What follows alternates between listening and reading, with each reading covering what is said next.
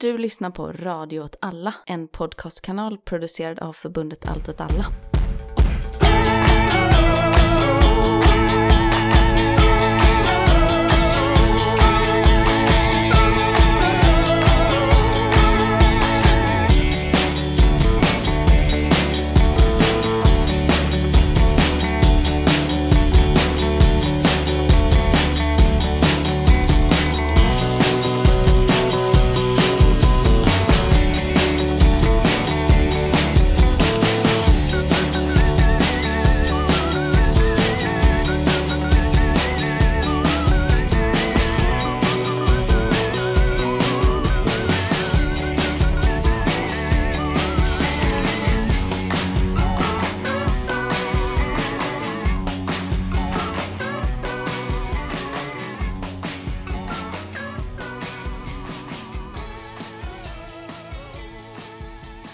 Hej och välkommen till Eld och rörelse med mig Martin Hansson.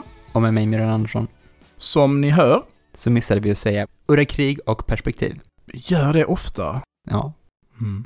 Det var inte det jag skulle säga som att ni hör, utan ni hör ju att vi har en ny introjingel. Just det. Och vi har fått så många jinglar skickade till oss efter att vi bad om det. Ja, superkul verkligen. Tack så hemskt mycket. Det var som en omvändning för när vi bara var en misslyckad liten podd så var det ingen som skickade den här jingeln när vi bad om det, men nu är man på ett annat ställe i livet. Precis, det här är framgångsavsnittet. Det här är som framgångspodden, fast mindre lögner om majblommor och eh, mer insyn i hur lite framgång vi har haft tidigare i livet. Mhm. Jag har aldrig lyssnat på Framgångspodden, men den heter något skitskumt, typ Pärleros eller någonting som låter bara snuskigt. Okej, det var din referens till det. Jag har heller aldrig lyssnat på Framgångspodden, men jag har hört det klippet. Så då har jag gjort det, men alltså det var typ på Dyngbaggegalan eller något sånt. Okej. Mm. Det är att någon är med och säger att de blev erbjudna att bli vd för majblommeföretaget Okej. när de var barn för att de var så duktiga på att sälja. Alltså det är liksom uppenbar lögn. När de var barn! Ehm, Ja, jävla dumt. Ja, mm. Det var inte alls nu, nu tar du bort det här. Vi har fått in jättemånga jinglar, det har varit skitmånga bra jinglar och vi har eh, velat ha med många av dem. Så vi har valt att eh, byta ut jinglar, både introjinglen som ni hörde och den är producerad av Malmöbandet tror jag man får säga. ja, det tror jag så. Trots att det är en person i centrum för det här bandet. De heter, eller han heter, The Culture in Memoriam, förkortat TCIM, och finns på Spotify. Så jättetack för det. Jättetack, verkligen. Vi har också fått en jingle till nyhetssvepet som ni kommer höra senare in i podden av Oliver Stjernqvist, Tack. a.k.a. Strictly Lover, som jag tror är artistnamnet och inte namnet Oliver Stjernqvist går under På gatan. Typ- nej, Vem precis. vet? Vem vet? Vem vet? Slutligen så har vi fått en, eh, en klippjingel av eh, Felix Wickman. Tack till Felix. Tack till Felix. Superkul. Jättekul, verkligen. Peppat. Med det sagt, eh, framgångsavsnittet. Ja, grattis till dig också, får man säga då. Du har ju alltid sagt att eh, jag kommer lämna dig och börja med någon kulturell verksamhet och du ska sitta ensam kvar i den här podden, men nu är det ju tvärtom. Table has turned. The table has turned. Nu är det jag som sitter med alla kort på hand. Men... Nej, men du har blivit eh, rekryterad skribent till Flamman. Ja, precis. Återkommande skribent tror jag att de eh, titulerar det. Jag tänker att jag, jag behöver ha lite hjälp med det. Det är superkul, jätteroligt. Tack så jättemycket för att man fått den möjligheten. Men jag är ju så inte en medieperson, kan man säga så? Eller journalist kanske är fel ord. Jag vet inte vad jag är. Vad är jag? Vad, vad du är? Ja, men vad, Du är hur... en influencer, du är en Sveriges eh, vänstermöp-influencer nummer ett. Okej, det är nog inte titeln. Vad är man En om man skriver... Det är en yrkes, den, den är också skyddad, så att den får jag, inte, eh, får jag inte använda. Men vad är jag? Är jag opinionsbildare? Är jag kulturskribent? Är jag bara skribent? Va, vad är titeln? Alltså, vad du frågade mig vad Flamman har för titlar på sina medarbetare. Nej, jag inte frågar vad det är jag gör. Vad heter yrket? Nej, jag vet inte. Vad heter det? Nej, mm. Men du har ju, du uttalade ju flera olika medium, så det blir inte, du kanske bara är skribent och poddare då? Eller poddare Men och skribent, skribent. Kan, man kan vara bara skribent liksom. Är det klart man kan vara? Ja, Okej, men då så, men då är jag väl skribent. Ja. Men om på Flamman lyssnar på det här, eller en riktig journalist, får jättegärna höra av sig och berätta vilken titel det, det heter att producera. Sa du just att dina nya arbetsgivare på Flamman inte är riktiga journalister? Det är de antagligen. Får gärna höra av sig och hjälpa mig hur jag ska titulera mig. Alla de här visitkorten du håller på att skriva upp. ofantliga mängder visitkort. Nej, jag har, eh, när vi spelar in det här har Flamman publicerat en av mina texter som behandlar NATO-medlemskapets eventuella effekter på ett lands försvarsförmåga. Så kanske man kan uttrycka det. Den finns att läsa på Flammans hemsida. Det kommer en text till, jag vet inte om den är släppt när avsnittet sänds. Den kanske också bara finns i tidningen. Det här får jag inte en krona för att säga, men om man då vill läsa den så kan man ju prenumerera på Flamman. De har någon deal just nu, så det var ganska billigt. Det är ju en veckotidning. Och i och med att jag inte får betalt för det, så att om ni gör det, så finns det en liten meddelanderuta. Så kan ni skriva där så här, jag gör det här för Martin Hansson. Just det. För det kommer hjälpa mig Din min- framtida karriär. i mina framtida löneförhandlingar. Så ni kan se det som en del av ett organiserad klasskamp Just det. för att göra mig ekonomiskt oberoende. Det är jag inte helt säker på att den här karriären kommer att göra. Men eh, Men det hoppas vi alla på. det hoppas vi alla på. För er lyssnare då, som inte bara vill höra om mina karriärsätt, så kan man ju säga att det underlättar ganska mycket, framförallt för poddskapandet. För det gör att vi liksom, för vår del, att låsa eventuella saker och liksom försöka göra pengar på podden i sig blir inte alls lika aktuell. Just det. Så det är kul. Så Flamman hjälper faktiskt också till att hålla podden vid liv på det sättet. Och min tanke med att skriva i Flamman är nog att försöka att använda ämnena vi tar upp i podden och kanske vidareutveckla tankar som passar sig bättre för skrift eller som inte passar i mediumet i, i poddmediet liksom, på det sättet. Just det. Men det blev en synergieffekt på båda hållen där, tänker jag. Ja, och du har ju också varit inblandad i det skrivandet. Nog om mig och mina bedrifter här i livet. Ja, jag fick veta att jag inte får jobb i England idag. Så Nej, du har fått reda på det. ja, det var det omvända. Det här är ju konstigt att vi blir så personliga, för det här visste inte jag. Nej, Nej. Ja, men, så, Men vad tråkigt. ja det, men alltså du vet man ju, det är svårt att... Hård konkurrens. Du skulle försöka bli lastbilschaufför i England, de har ju Precis. brist på det efter Brexit. Nej, men jag sitter bli eh, myrvetare nu igen. Nu igen. Nu igen. Ah, ja. Sen så hade jag ett annat online-möte om ett annat eh, myrvetar-gig. Så jag har hoppet i Sverige den här gången. Så. Är det via liksom någon app? Antify Precis. eller någonting. Det finns det många myrvetarjobb sådär? Ja, det finns väldigt, väldigt få, så det är, Ja, det är problemet. Ja. Till skillnad från skribent Ja. eh, som, Som det verkar, av. det verkar finnas många av. Det är för jävligt. Så att om det är någon som lyssnar som sitter inne på ett myrvetarjobb så här så får ni jättegärna höra av er så att eh, myran inte tar livet av sig så vi måste sluta spela in den här podden. Ja. Jag gör verkligen inte det. Ja, men det, det är lugnt. Det skulle förstöra min karriär. ja. Skämt åsido. Mhm. Vet du vad jag tycker vi ska göra nu? Spela en jingel. Nu spelar vi en jingel.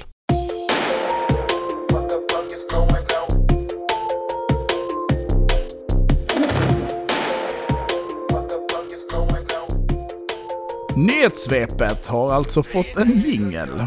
Ja, du har svårt att hålla dig från att börja sjunga själv alltså. Ja, Det är bara att bita ihop. biter ihop och eh, sjunger med med micken eh, avstängd. Just det. Ja, vad har vi för matnyttiga nyheter? Jag tänker att jag kan kommentera situationen i Ukraina lite snabbt. Och precis som jag sagt i ganska många avsnitt nu, är ju att situationen är ganska långsam. Mm. Och det enda som egentligen tycks hända är att Rysslands systematiska framryckningar fortsätter. Ja, nu kommer det här vara lite... Vi spelar in en vecka före nu släpps. Så det kan ju ha hänt mycket till nästa vecka såklart. Men eh, nu ser det väl ut som att de har skurit av alla stora vägar till, vad heter det, Severodonetsk. Severodonetsk. Det är som vanligt med namnen här på den.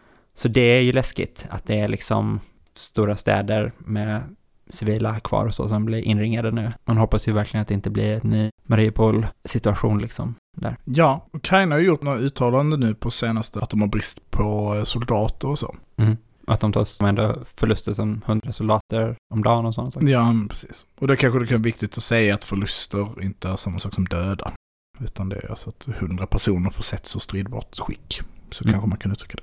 Så läget är nog på många sätt ansträngt för Ukraina. Och jag tror inte att den bristen på soldater då för Ukrainas sida egentligen handlar om att de har brist på soldater i landet.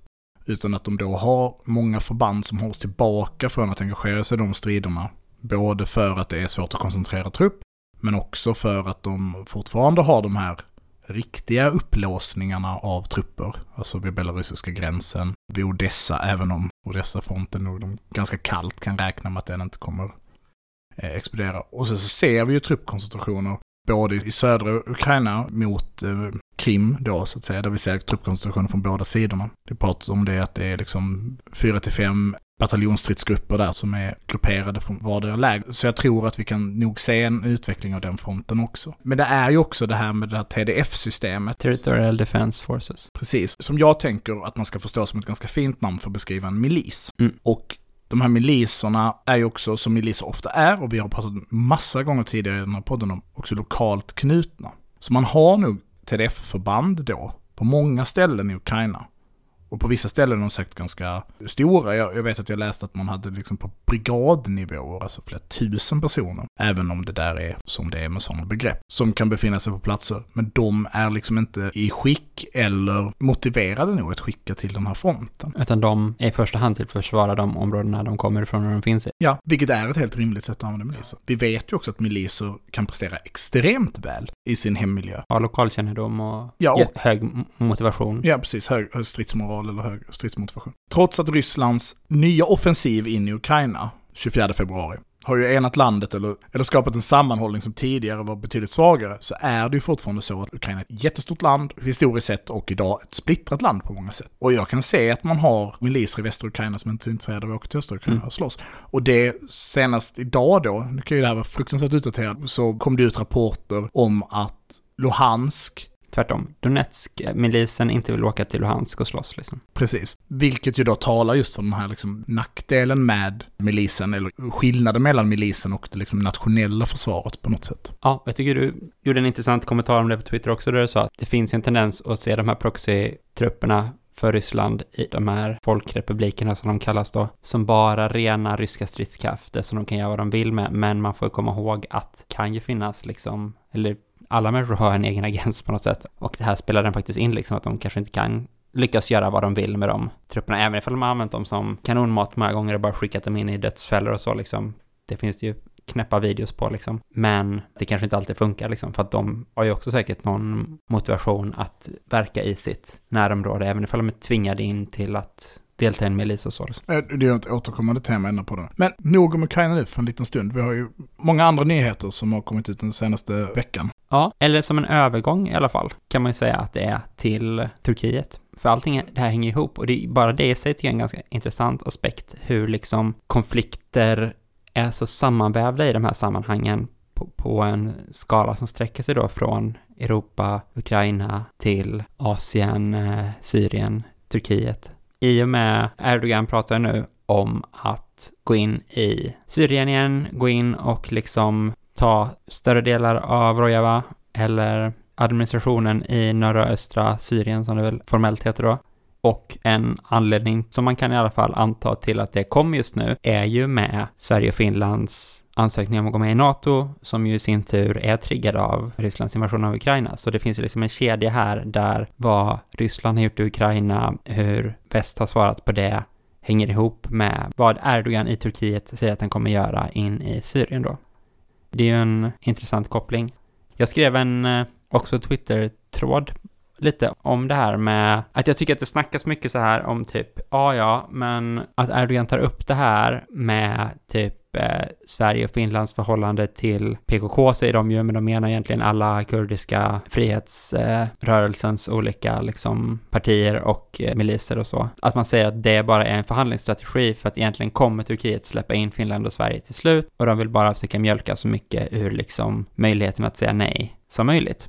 Och jag tror säkert att det är deras motivation, men det kan ändå vara relevant att tänka på att sådana utspel kan liksom spela på sin egen logik och så. Och att jag får bara en sån flashback till hur man tänkte och hur resonemangen gick kring Putins uttalanden om Ukraina före 24 februari att man tänkte lång tid. I alla fall, alltså vi pratade ju om att vi trodde att det mest var en förhandlingsstrategi, i alla fall hela 2021 liksom. Sen så anade man ju vart det barkade i år, även innan det satte igång. Men just det med att, med att Putin byggde ett argument som var så här, NATO måste sluta sin expansion, annars måste vi ta till de här militärtekniska åtgärderna mot Ukraina. Vi har fått våra löften svikna så länge utav att NATO inte skulle komma närmare den klassiska ryska sfären. Det är liksom en skymf mot Ryssland att man inte lyssnar på oss i förhandlingar. Och allt det här gjorde han säkert för att han ville förhandla om de här sakerna och få till eftergifter. De kanske inte behövde vara så totala som det han krävde. Men eftersom väst gav, eller framförallt USA då, noll respons på det, så hade han målat in sig i ett hörn någonstans och kunde inte behålla ansiktet och göra ingenting, utan liksom var tvungen att agera. Vilket ju inte är en ursäkt för det, men, men rent krast tror jag man får ändå läsa situationen så. Och det finns ändå ganska stora likheter med Putin som ledare och Erdogan som ledare. Att båda kommer ju liksom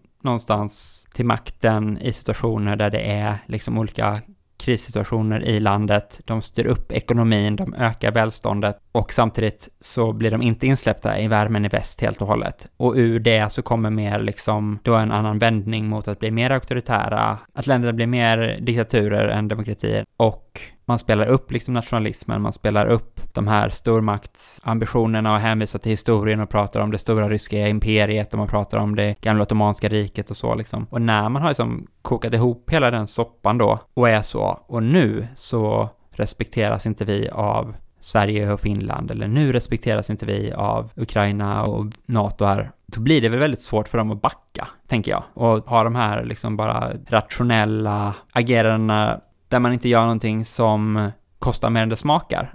För att man har liksom satt på något sätt sitt projekt i pant för att säga ifall vi inte blir respekterade så kommer vi minsann göra XYZ liksom. Kanske är Erdogan skickligare på att spela det här. Kanske har bäst en annan respons. Man är villigare att sälja ut Rojava än om man var att sälja ut Ukraina. Så det kanske inte alls kommer bli samma utfall, men jag tycker att, att bara säga det här är bara ett spel, det är inga risker liksom med det här, att det är lite för lättvindigt avfärda Erdogans liksom hot. Och ifall han väljer gå in i Syrien nu då igen, då är det möjligt att positionerna blir ännu mer låsta efter det liksom. En alternativet är såklart att väst då vänder bort blicken och säger okej, okay, det här var okej, okay. men det andra alternativet är väl att man ändå fördömer i någon utsträckning det Turkiet gör och då är det svårt att se hur man sen ska liksom få ihop de där NATO-förhandlingarna och så. Inte för att det är målet, inte för att jag hoppas att det ska gå ihop, men bara hur den här diskussionen är om det här, sig, verkar ju avfärda det här som att det kommer garanterat lösa sig liksom, och det är jag lite skeptisk mot helt enkelt. Jag skulle vända mig mot att den debatten som det ser ut just nu är att vi föreställer oss, och med vi som är över Sverige, föreställer oss att Erdogans agerande handlar om att Eh, pressa Sverige till eftergifter, eller USA på den delen till eftergifter. Jag tror att man kan tänka på den hotande invasionen som ett eh, geopolitiskt mål Erdogan har haft eh, ganska länge och att den här krisen också är en möjlighet. Liksom. Man ska aldrig kasta bort en bra kris. Och situationen är just nu är att han har ett mål ett, ett, operationellt mål och ett strategiskt mål i Syrien. Det är mycket prat om Rojava här. Jag, jag, tror inte att Rojava eller Rojava är målet. Alltså om du tittar på karta, du lyssnar på Erdogans retorik, så tror jag att det är Tel Rifat det här kommer att handla om. Inte det en del av Rojava? Ja, men det kanske är en del av Rojava på det sättet som eh, folk som faktiskt har koll på det här. Mm. Men det är inte Kobane vi pratar om egentligen, utan Nej, det är och det är inte Rojava som, som man åker till. Mm. Utan Telefat, det är en liten enklav som ligger norr om, ja man kan väl uttrycka det som Assad-kontrollerade delar av Syrien. Det är norr om Aleppo, det tillhör liksom historiskt sett eh, Aleppo-guvernatet. Och eh, ingick i de delarna som de kurdiska styrkorna, eller förlåt, jag ska uttrycka mig i klartecken, PKKs systerparti i Syrien befriade från IS. Precis, det som var Afrin-kantonen då, i Rojava får man säga. Det som, det som blev kvar när turkiska FSA gick in och tog, alltså turkiska proxy-styrkorna gick in och, och tog Afrin så var, det ju en del de inte kunde ta. Nej, men det precis. är den som... Och det är en del och det har stridits om den tidigare. Och den delen utgör liksom en viktig plats i den väpnade motståndsrörelsen som finns inne i Afrin. Där Turkiet bedriver etnisk rensning, folkförflyttning och eh, folkmord i någon mening. Mm. Där man helt enkelt terroriserar, trakasserar och förföljer kurder i Afrin och försöker sig på att driva bort dem för att placera syriska flyktingar där. Och vissa av de flyktingar, det ska vi tydliga med, är säkerligen från Afrin som flydde i kölvattnet av inbördeskriget. Men många av dem är det inte. Och där inne så regerar ju liksom i princip en, någon typ av kleptokrati där olika legosoldatsförband då inom det som då vi refererar till TFSA styr med understöd av, av turkiska förband. Alltså rena turkiska trupper också som patrullerar och styr där inne från, från turkiska reguljära armén. Och inne i Afrin så finns det liksom ett väldigt aktivt motstånd, en väldigt aktiv motståndsrörelse som löpande gör sabotage och direkt eh, väpnade angrepp mot, mot de här turkiska eller turkiska styrkorna, de turkiska legosoldaterna i området. Och när det varit som mest aktivt så har vi liksom pratat om tre, fyra filmer i veckan med robotangrepp, eh, framförallt med pansarvagnsrobotar. Men även raketbeskjutningar till exempel av städer i Afrin och så. Inifrån Tel Rifat, eh, området där runt om, som då hålls av SDF, men också av det som då är HRE, som alltså är, jag tror på engelska översätts till Afrin Liberation Forces, motståndsrörelsen. Och i det här där man å ena sidan då har haft SDF som har haft en ganska nära militärt samarbete med USA och den anti-IS-operationen. Syrien. Ja, Inherent Resolve, eller vad det nu heter. Där SDF har haft det. Och då tänker vi på städer som Kobane, Manbij, eh, Kamishli och så vidare. Liksom. Den typen av städer. Så har det inte varit så aktuellt i Afrin. Utan där har relationen till Assad varit eh, betydligt närmare. Bland annat för att USA aldrig var intresserade av att ge något stöd till den. För där stod heller inte striden huvudsakligen mot IS, utan mot andra, i vissa fall fascistiska förband, eh, i andra gånger eh, rena jihadistiska förband, alltså al-Qaidas gren i Syrien, Nusra-fronten, som idag då heter HTS, jag ska inte försöka mig på att uttala det, men Hayat al-Shams kanske? Du det i alla fall? Jag försökte mig på det. Och Telefat har därför spelat en viktig roll. De har uppenbarligen haft eh, rysk beväpning. Och huruvida den är given eller såld eller smugglad inifrån Assad, alltså från syriska arabiska armén som de då kallas. Det ska vi hålla i otalt, för det vet vi inte. Men man har sett rätt moderna ryska moderna inom situationstecken, men, men till exempel Metis M har använts vid ett par attentat, vilket inte finns i regionen i övrigt, utan i samband med att syriska armén får MTSM så verkar också HRE ha det. Och då tror jag att i det läget, Telefat är ett problem för Turkiet. De har möjligheten att genomföra en militär operation. Andra länder kommer vara jävligt försiktiga med att kritisera Turkiet i den här situationen på grund av att Turkiet behöver godkänna Sverige och Finland. Då ser man också möjligheten att vi kan gå in och försöka göra ett seriöst försök att ta Telefat. Om vi får kritik mot det, vi, nu gör Erdogan helt plötsligt, då kan vi säga vi bekämpar ryska intressen i Syrien. Så jag tror inte det nödvändigtvis behöver handla så jättemycket om en förhandlingsteknik mot väst. Nej visst, det är absolut. Det är, det är andra sidan av myntet på något sätt. Det är, att... det är möjlighet som ges. Ja. Jag vill hålla det osagt att det liksom säga definitivt är det som händer. Men allting handlar liksom inte om Sverige och Finland. Nej, precis, men det är därför jag tycker också den här diskussionen som förs är ju lite som eh, bara fokus på det då. Vad ska NATO ge till Turkiet för att de ska släppa in Sverige och Finland? Att det är bara det det handlar om, liksom att det är bara därför Turkiet ställer de här kraven och så. Man kan lyfta blicken lite och tänka på andra delar och motivationer och saker som kan spela ut sig liksom i, i den här konflikten. Ja. Men tycker du inte är intressant generellt att liksom de här konflikterna är så sammanbundna liksom ändå som de blir? Har vi sett det liksom förut länge på en så stor skala. Alltså, det är lite som en obehaglig uppbyggnad för någon sorts global jättekonflikt. Jag tänker att man behöver ta i beaktande att turkryska relationerna är betydligt bättre idag än vad de har varit historiskt sett. Det var inte så många år sedan turkiskt luftvärn sköt ner ett ryskt eh, jaktflygplan som råkade passera, eventuellt passera deras, eh, in i deras luftrum. Där en kemalist eller jihadist eh, skjuter ihjäl den ryska ambassadören i Ankara. Där det liksom var väldigt antiryska stämningar i Turkiet. Och vi ska också komma ihåg att under hela kalla kriget, under juntorna, så agerade ju Turkiet som kanske den mest framskjutna positionen gentemot Sovjetunionen med kärnvapen med i princip gräns in till Ryssland, i alla fall till Sovjetstater.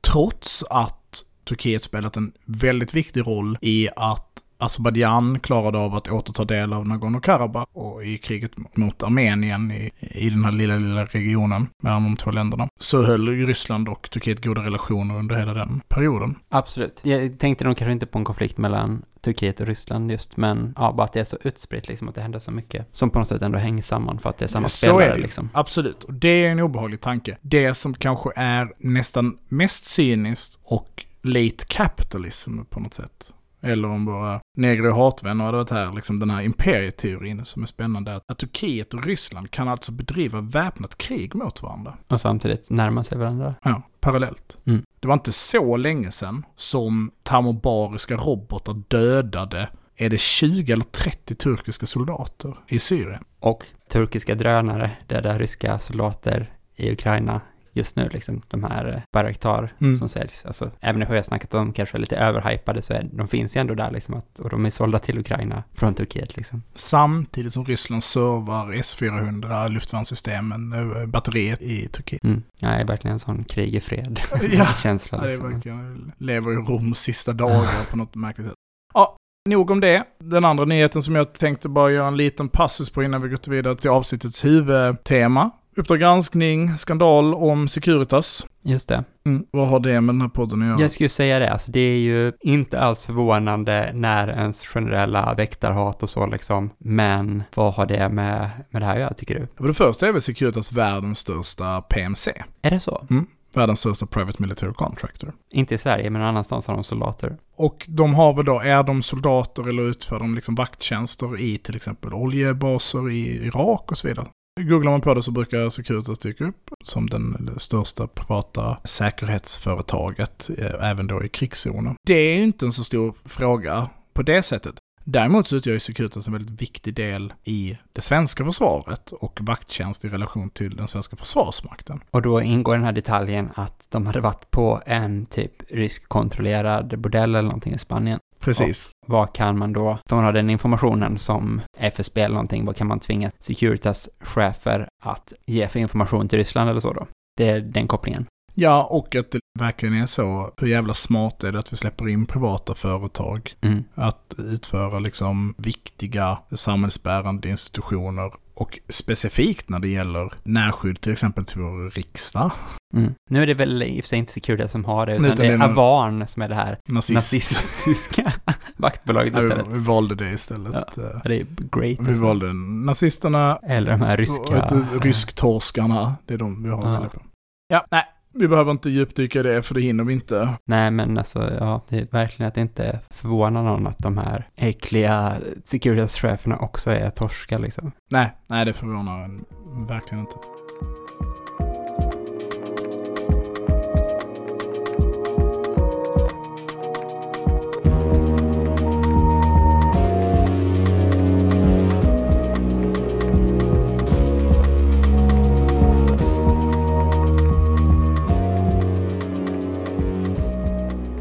Jag eh, hittade en artikel på nätet som refererade till en rapport som har utkommit i USA, så jag struntade i att läsa artikeln och läste rapporten istället. Det har kommit ut en rapport nu i maj från eh, någonting som heter Special Inspector General for Afghanistan, förkortat SIGAR. Och SIGAR utgör en av kongressen i USAs översyn av insatsen i Afghanistan. Den skapades på begäran 2008 och sen har liksom uppgiften varit att typ se över så här, var går våra pengar, fungerar insatsen, vad händer? Och nu då, när man kan säga att eh, man vet vad som händer, man misslyckades i Afghanistan, så har SIGAR kommit ut med en rapport där de försöker reda ut varför man misslyckades. Jag tänkte att det kommer vara spännande att ge den några ord. Till det kan man säga att om man vill liksom höra, det flyter lite ihop med ett tidigare avsnitt vi har haft. Det är avsnitt 52, Kina, ubåtar och mätvärden i Afghanistan, som berör en av anledningarna till att man misslyckades i eh, Afghanistan. Är bara säga kort, vi pratar om det, att, att eh, det har väl något att göra med att man eh, uppvärderar specialoperationer på typ den vanliga arméns funktioners bekostnad på något sätt. Ja, eller att man framförallt fokuserade på militära operationer. Dödade fiender, minskade förluster och så vidare. Man hanterade alltså ett ett irreguljärt krig som ett konventionellt krig i någon mening. Att det var en av problemen med mätvärdena. Men den här rapporten, som går under namnet Collapse of the Afghan National Defense and Security Forces, an assessment of the factors that led to its demise. Och de rankar en rad olika faktorer, varför det har blivit så. Och jag tänker att man kan prata lite om dem. Och sen, jag tänker också att det finns en koppling mellan dem och den texten jag skrev till Flamman angående NATO och hur. NATO agerar. Vi kan återkomma till det. De börjar ju någonstans sina rapporter med att etablera att den enskilt viktigaste faktorn till att Afghanistans säkerhetsstyrkor, som jag kommer fortsätta referera till dem som, kollapsade deras försvar och att talibanerna kunde ta makten militärt i Afghanistan grundar sig i att USA lämnade Afghanistan. Mm. Ja, det, ja. Den är svår att säga så mycket om, men jag tror att de har rätt. det här, den här processen pekar de ut, den börjar ske redan 2020, alltså när Trump skriver det här fredsavtalet med talibanerna. Då börjar den processen byggas upp som gör att talibanerna slutligen kan, kan ta kontroll över alla distrikt i princip alla distrikt i Afghanistan. När Trump skriver det här fredsavtalet så innebär ju det att också att eh, rules of engagement på något sätt med talibanerna förändras. Och den förändringen skapar liksom delvis panik inom de afghanska säkerhetsstyrkorna. Och det är av flera olika anledningar.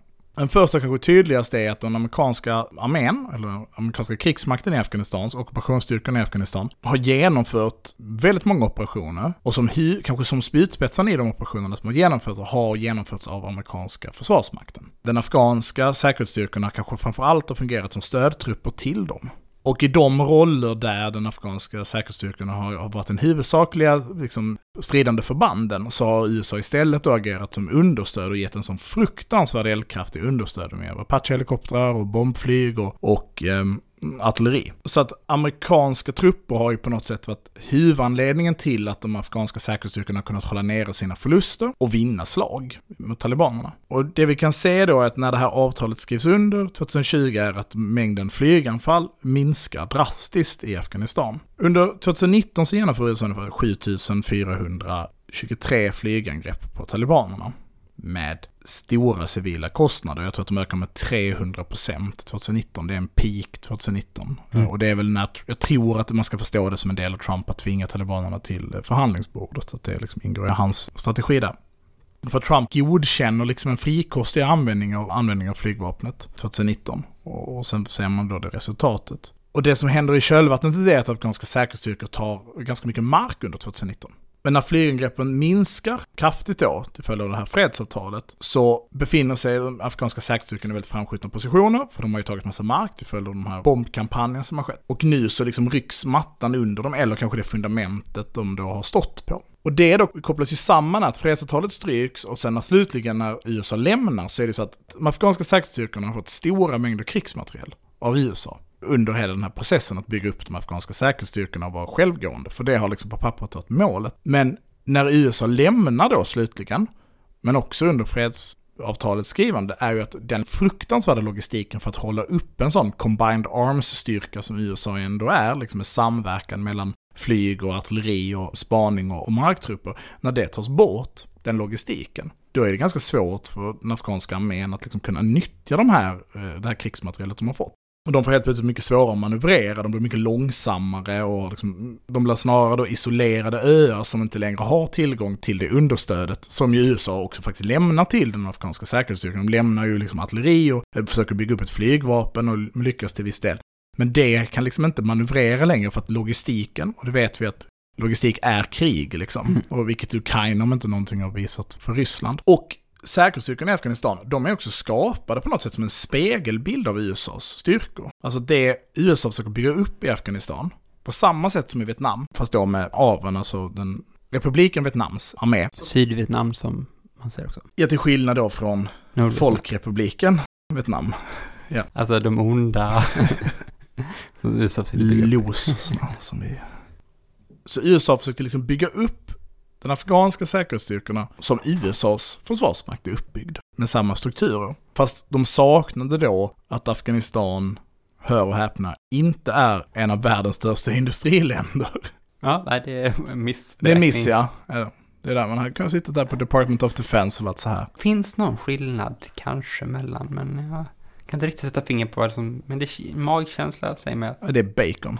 Det är bayonnaise yep. som är skillnaden. Yep. Och det här då ställer ju ett att, att strida som USAs armé, förutom då logistiken och förutom att ha en av världens största industriella kapaciteter, en av världens största ekonomier, så kräver det en extremt stor kompetens i command and control, i att liksom styra och samverka mellan vapenslag, men också att liksom kunna styra sina trupper på det sättet i träning som USA byggt upp. Och det här flygvapnet som USA hade byggt upp Afghanistans säkerhetsstyrkors egna flygvapen. Det förväntades vara färdigt 2030. Eh, så liksom tio år innan så förväntades de, när det här fredsavtalet sa men nu, kommer det, nu får ni klara er själva, ni har ju ett flygvapen, det förväntas förvisso vara färdigt om tio år, men mm. det här reder ni ut. Och många av de system som skänktes och lämnades kvar och som förväntades, det är ganska komplicerade system, de kräver avsevärd träning och den processen var liksom inte färdig. Så att man ger dem massa jävligt häftiga vapen som fyller väldigt lite funktion eftersom att de inte är USAs armé. Och vidare då, varför klarade inte Afghanistans säkerhetsstyrka att, att utföra och fullfölja de här typen av operationer som USA hade tränat dem för? Och det var ju också för att i praktiken så var det att under fastlade den här rapporten då att under ockupationen av Afghanistan och insatsen i Afghanistan, så på grund av sin effektivitet så använde USA sina egna trupper eller legosoldater för att utföra de mer komplexa operationerna. Ja, det är väl rimligt att när det är svårt så tar man sitt bästa. Ja, så då fick inte de heller, säkerhetsstyrkorna inte heller träning i att faktiskt utföra det som de var menade att liksom på något sätt kunna klara av att göra själva. Och där tycker jag också igen att det finns en ganska tydlig likhet i Vietnam, även om det är en ganska tråkig jämförelse. På samma sätt där så blir det ju att USA vid en viss punkt liksom övertar kriget för Sydvietnam. På grund av att man uppfattar Sydvietnams styrkor, man upplever dem bara för ineffektiva. Och istället så tänker man, men det är bättre om vi kan skicka våra egna mannar och göra det här. Men då det som händer är ju att Sydvietnams väpnade styrkor Blir mindre effektiva. Precis, och blir ju också på något sätt en skådespelsarmé. Mm. Och jag antar så här korruption och sånt liksom. Vi kommer Ah, till okej. korruption. Men eh, har det här på något sätt att göra med att talibanerna ändå kunna upprätthålla ett högt tryck kontinuerligt i konflikten liksom? För att ifall det bara hade varit lite krigare man behövde göra, då kanske man hade kunnat träna de afghanska styrkorna i det istället. Men att det var som ett ständigt hot om att talibanerna skulle liksom växa till sig så måste man ta sina bra trupper. Finns det någon sån? Rapporten har väl vissa politiska dimensioner som, som de, de tar hänsyn till, men det är väl uppenbart att hela frågan om Afghanistan och om nästan alla irreguljära krig är ju att de aldrig lyckats strypa flödet av energi in till talibanrörelsen. Och tvärtom, som vi har pratat om, också pratat om i tidigare avsnitt, så, är ju det de gör är att de tvingar fram en adaptiv förmåga hos talibanerna att ständigt bli bättre. Men jag tror ju då, till den korruptionen vi kommer att prata om, så är ju korruption och eh, den afghanska regimen då under USAs ockupation är ju huvudanledningen till att talibanerna kan fortsätta vara starka. För att den fortsätter att vara en skitstat. Mm. Ledda av skithöger. Mm. Men det jag tror är det största problemet är en poäng de har i rapporten, men som kanske inte hamnar i så stort eh, fokus. Och det är ju att USAs närvaro agerar ju också garant på något sätt för att löner fortsätter betalas ut, att korruptionen inte kan blomma fullständigt, att bekämpandet av talibanerna eller bort, liksom förskjutningen av talibanerna fortsätter stå i fokus och inte bara liksom lokal makt eller inflytande är liksom högre prioriterat. För det som händer nu så börjar dra sig tillbaka, det är ju att lokala befäl börjar sälja av krigsmaterial till exempel, Materiell, börjar sälja av krigsmateriel till exempel, på tal om att beväpna talibanerna. Och att president Ghani, alltså presidenten i Afghanistan, han agerar ju under en lång tid, och det, det pekar rapporten också ut, i sitt direkta egenintresse. Hör och häpna. Rapporten gör en poäng av att han tycks vara orolig för en statskupp, framförallt vid ett amerikanskt tillbakadragande. Och motståndarna han uppfattar är inte nödvändigtvis talibanerna, utan den yngre generationen som har växt upp under amerikansk närvaro, som är tränad och utbildad av USA, som kanske har en annan kulturell referens till viss del. Och det gör att han gör ju vad alla andra jävla Korrupta semi-despoter. Ja, och det är ju att han säger till att rensa ut de personerna, blockera dem från att komma till viktiga positioner, kanske rotera ut dem innan de liksom lyckas bli trygga i sina positioner och istället sätter dit lojalister som står honom nära. Mm. Och det första han gjorde när det närmade sig var att fly landet, eller hur var det? Först lovade han att han aldrig skulle lämna Kabul med ett automatvapen i handen och typ sa att han skulle strida om Kabul tills sista man. Och sen hoppade han på ett flygplan fullt med pengar till Kirgizistan eller sånt. Mm. Jag minns faktiskt Mm. inte vilket land det är han drar till. Men också den liksom ineffektiviteten som har växt fram på grund av den här liksom misstron inom det så är det så här att USA står ju för samma typ av misstro gentemot framförallt liksom de afghanska säkerhetsstyrkorna, men också gentemot hela den afghanska säkerhetsapparaten. Så rapporten pekar ut att det finns liksom flera exempel som är så pass frekventa att man kan anta att det liksom var läge normal är att USA, när de ska genomföra operationer, inte informerar afghanska säkerhetsstyrkor om det, eller om de ska ha med sig afghanska säkerhetsstyrkor informerar dem bara knapphändig information, precis det de behöver veta för att kunna delta och precis innan det ska genomföras för att USA litar liksom inte heller på de afghanska säkerhetsstyrkorna. Kanske inte helt grundlöst heller. Nej, nej, det skulle jag också gissa att det är så. Men istället för att göra någonting av problemet då så jobbar man runt det liksom på ett sätt där de aldrig kan bygga upp en fungerande apparat själva liksom. Nej men precis. För det som kändes väldigt tydligt när jag läste den här, det blir en repetition av saker vi har sagt tidigare, men jag känner ju verkligen den poängen att USA behandlade Afghanistan trots sitt tal om liksom statsbygge, bara som en militär operation mot talibanerna.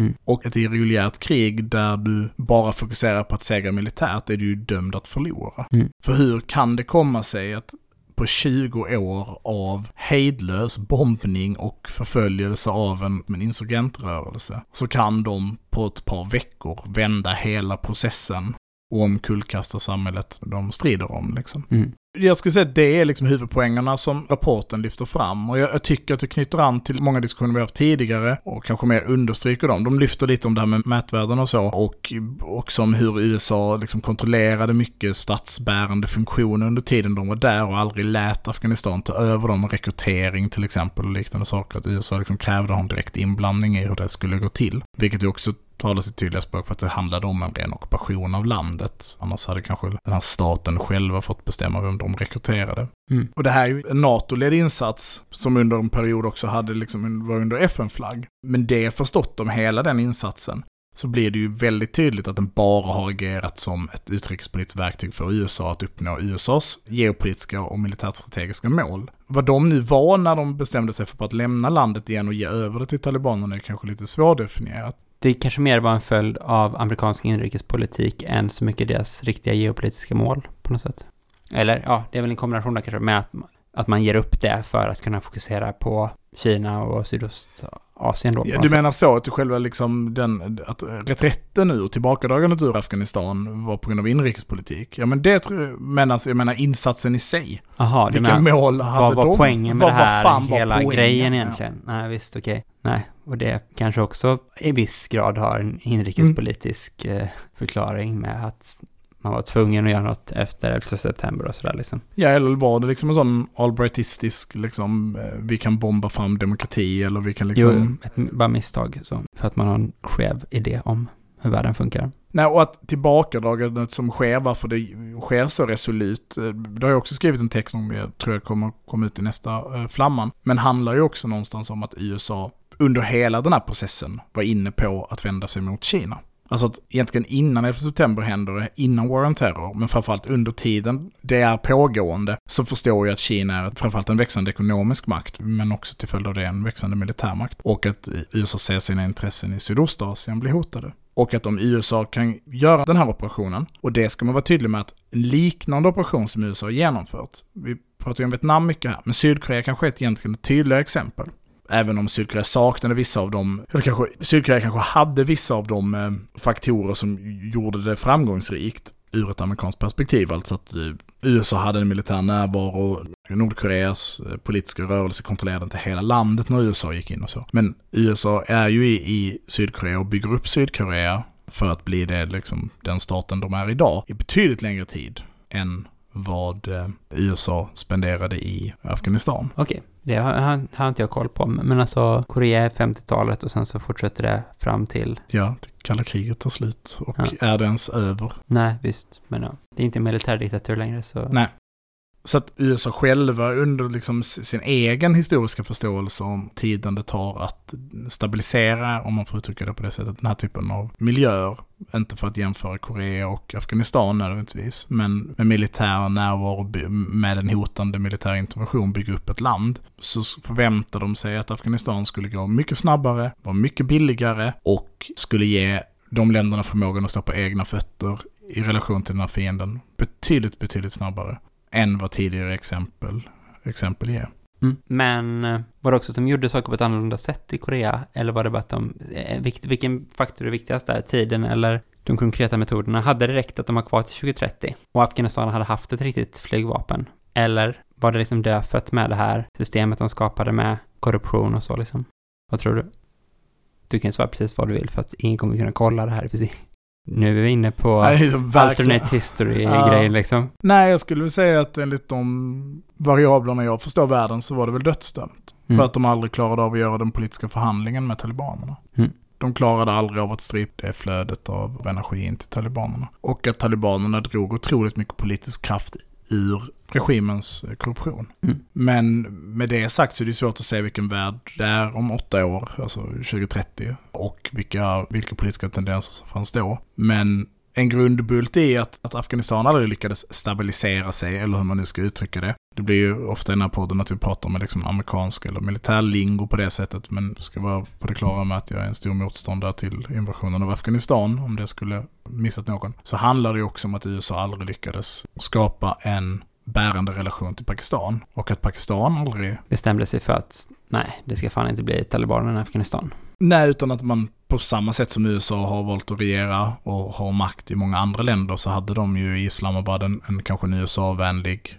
regim eller en USA-vänlig försvarsmakt, generaler, medan folket i Pakistan inte är särskilt USA-vänliga. Mm. Och det spelet kan man ju spela fram tills upprorsmannen står och knackar på huvudstadens portar. Mm. Och där blir det ju referensen till Vietnamkriget igen, ganska tydlig. Det spelade ju ingen roll hur mycket pengar man hällde liksom i fickorna på ens vänner i huvudstaden liksom. För till syvende och sist så består ju ett land av dess invånare och ens armé består av människor. Och hatar de dig så, ja, vad ska du göra? Nej. Med allt det här så hade vi ju kunnat stanna i det här mycket längre, men då hade det blivit ett två timmars avsnitt istället. Men när vi säger dumt gå med i NATO. Ja, det är dumt, gör inte det. Ja, men ska man någonting om Sveriges insats i förhållande till det här i Afghanistan, liksom? Nej men då det, det blir väl som alla andra liknande militär eh, expeditionism, eller vad man ska beskriva det som. Vad fan hade vi där att göra? Nej. Och än värre så har vi liksom systematiskt utvisat unga män till det landet. Nej, precis. Det är verkligen... Och sen var lösningen på liksom sunnitisk jihadism liksom. Ja, ja, det är ju en betydligt större och mer komplex fråga. Men hur gärna USA, eller för den delen Ryssland är, så är det så här, man kan inte bomba människor till lydnad. Mm. Det, det går inte. Mm. Det går verkligen inte. Utan det enda man gör är ju att liksom skapa ett fruktansvärt mänskligt lidande. Och förhärdade människor liksom. Men du tänker att man ska liksom dra parallellen till, till Sverige. Ja, men det ska vi väl vara jävligt medvetna om. Att när vi väljer att bli NATO-medlemmar, om Turkiet nu tillåter oss, och med den kostnad och eftergifter som, som världen kommer behöva ge Erdogan för att eh, Sverige ska få ingå i det här, så kan vi ju låtsas att vi kan behålla vårt fokus på det territoriella försvaret av Sverige. Men om inte vi kunde behålla fokuset på det territoriella försvaret i Sverige när vi inte var medlemmar i NATO. Är det verkligen bara en sån liberal tramsdrömvärld? Nej, man behöver inte, man är inte förpliktigad till något för att man är med i NATO. Så bara, nej, men så här, NATO är verkligen en militär struktur. Strukturer har så här, påverkan på hur saker funkar. Liksom. Allting är inte bara ett fritt val baserat på samvete hela tiden liksom, utan det sätter du alla förutsättningar för att man ska hålla på med NATO-insatser så kommer man också med systemets logik börja hålla på i NATO-insatser liksom. Det är inte så svårare än så. Ja, men när våra politiker, när våra beslutsfattare har en ännu närmare relation till den liksom, krigsmaskin som USA i förlängningen NATO är. De äter ännu fler middagar ihop. De dricker ännu mer champagne ihop och snittar, eller vad fan de nu håller på med. De här barnsexkabalen. Nej, nej. Men, men, nej.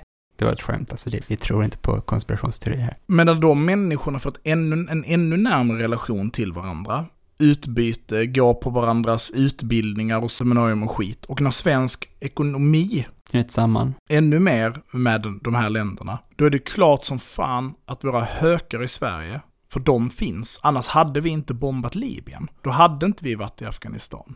Vi hade inte varit på en fransk mission i Mali.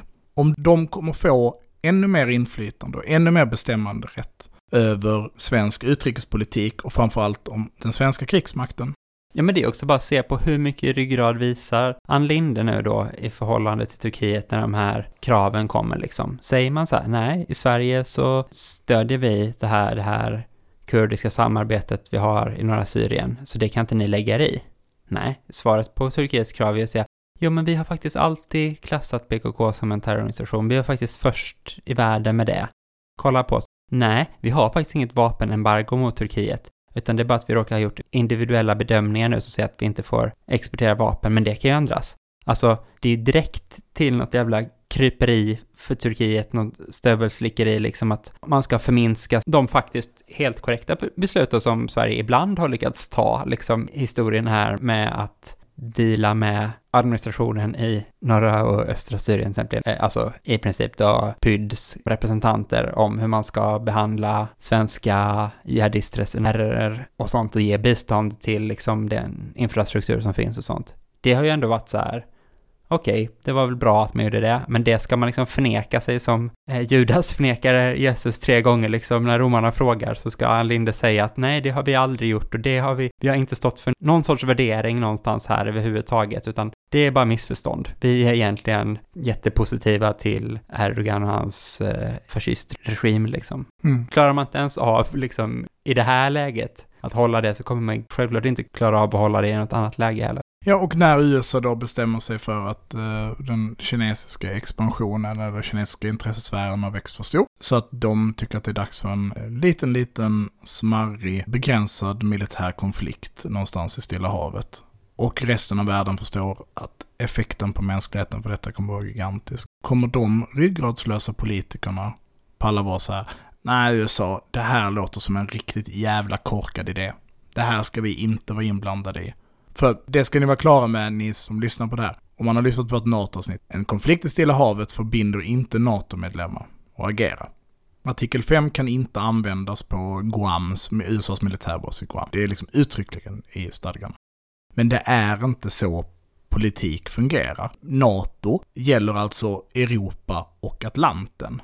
Libyen? Ta, ja, ta en jävla titt på en karta. Vad fan var ligger Afghanistan någonstans? Och det kan de ju trolla med hur mycket de vill. Men Afghanistan var en NATO-kampanj baserad på en aktivering av artikel 5. Ja, precis. Och Libyen var inte det. Det var en FN-mandat, men som i praktiken leddes och genomfördes av NATO. Så mm. Mm, det ja. finns fler exempel. Ja. Med de orden, de glada tillropen, yep. så eh, avslutar vi dagens avsnitt. Återigen, tack till våra fantastiska jingelmakare. Man kan följa mig på Twitter, där heter jag Trojkan 1337. Man kan följa dig på Twitter, där heter du ett slukhål. Man kan följa vår Instagram, som inte sköts av oss, men som är toppen. eld.och.rörelse. Och man kan följa vår Facebook-sida. Där heter vi bara Eld och rörelse. Så här lite i efterhand kom jag på att jag vill plugga en sak med här nu. När det här avsnittet släpps den 2 juni så har serieskolan där jag har gått vernissage och det är på Rum för serier som ligger på Frisgatan 12. Och den pågår mellan 17 och 20 och sen så är utställningen där igång fram till den 7 juni. Så om ni är i Malmö och vill köpa ett fanzin eller bara kolla på vår utställning så tycker jag ni ska komma förbi där. Så, nu kan vi återgå till att avsluta avsnittet. Tack så mycket för att ni har lyssnat.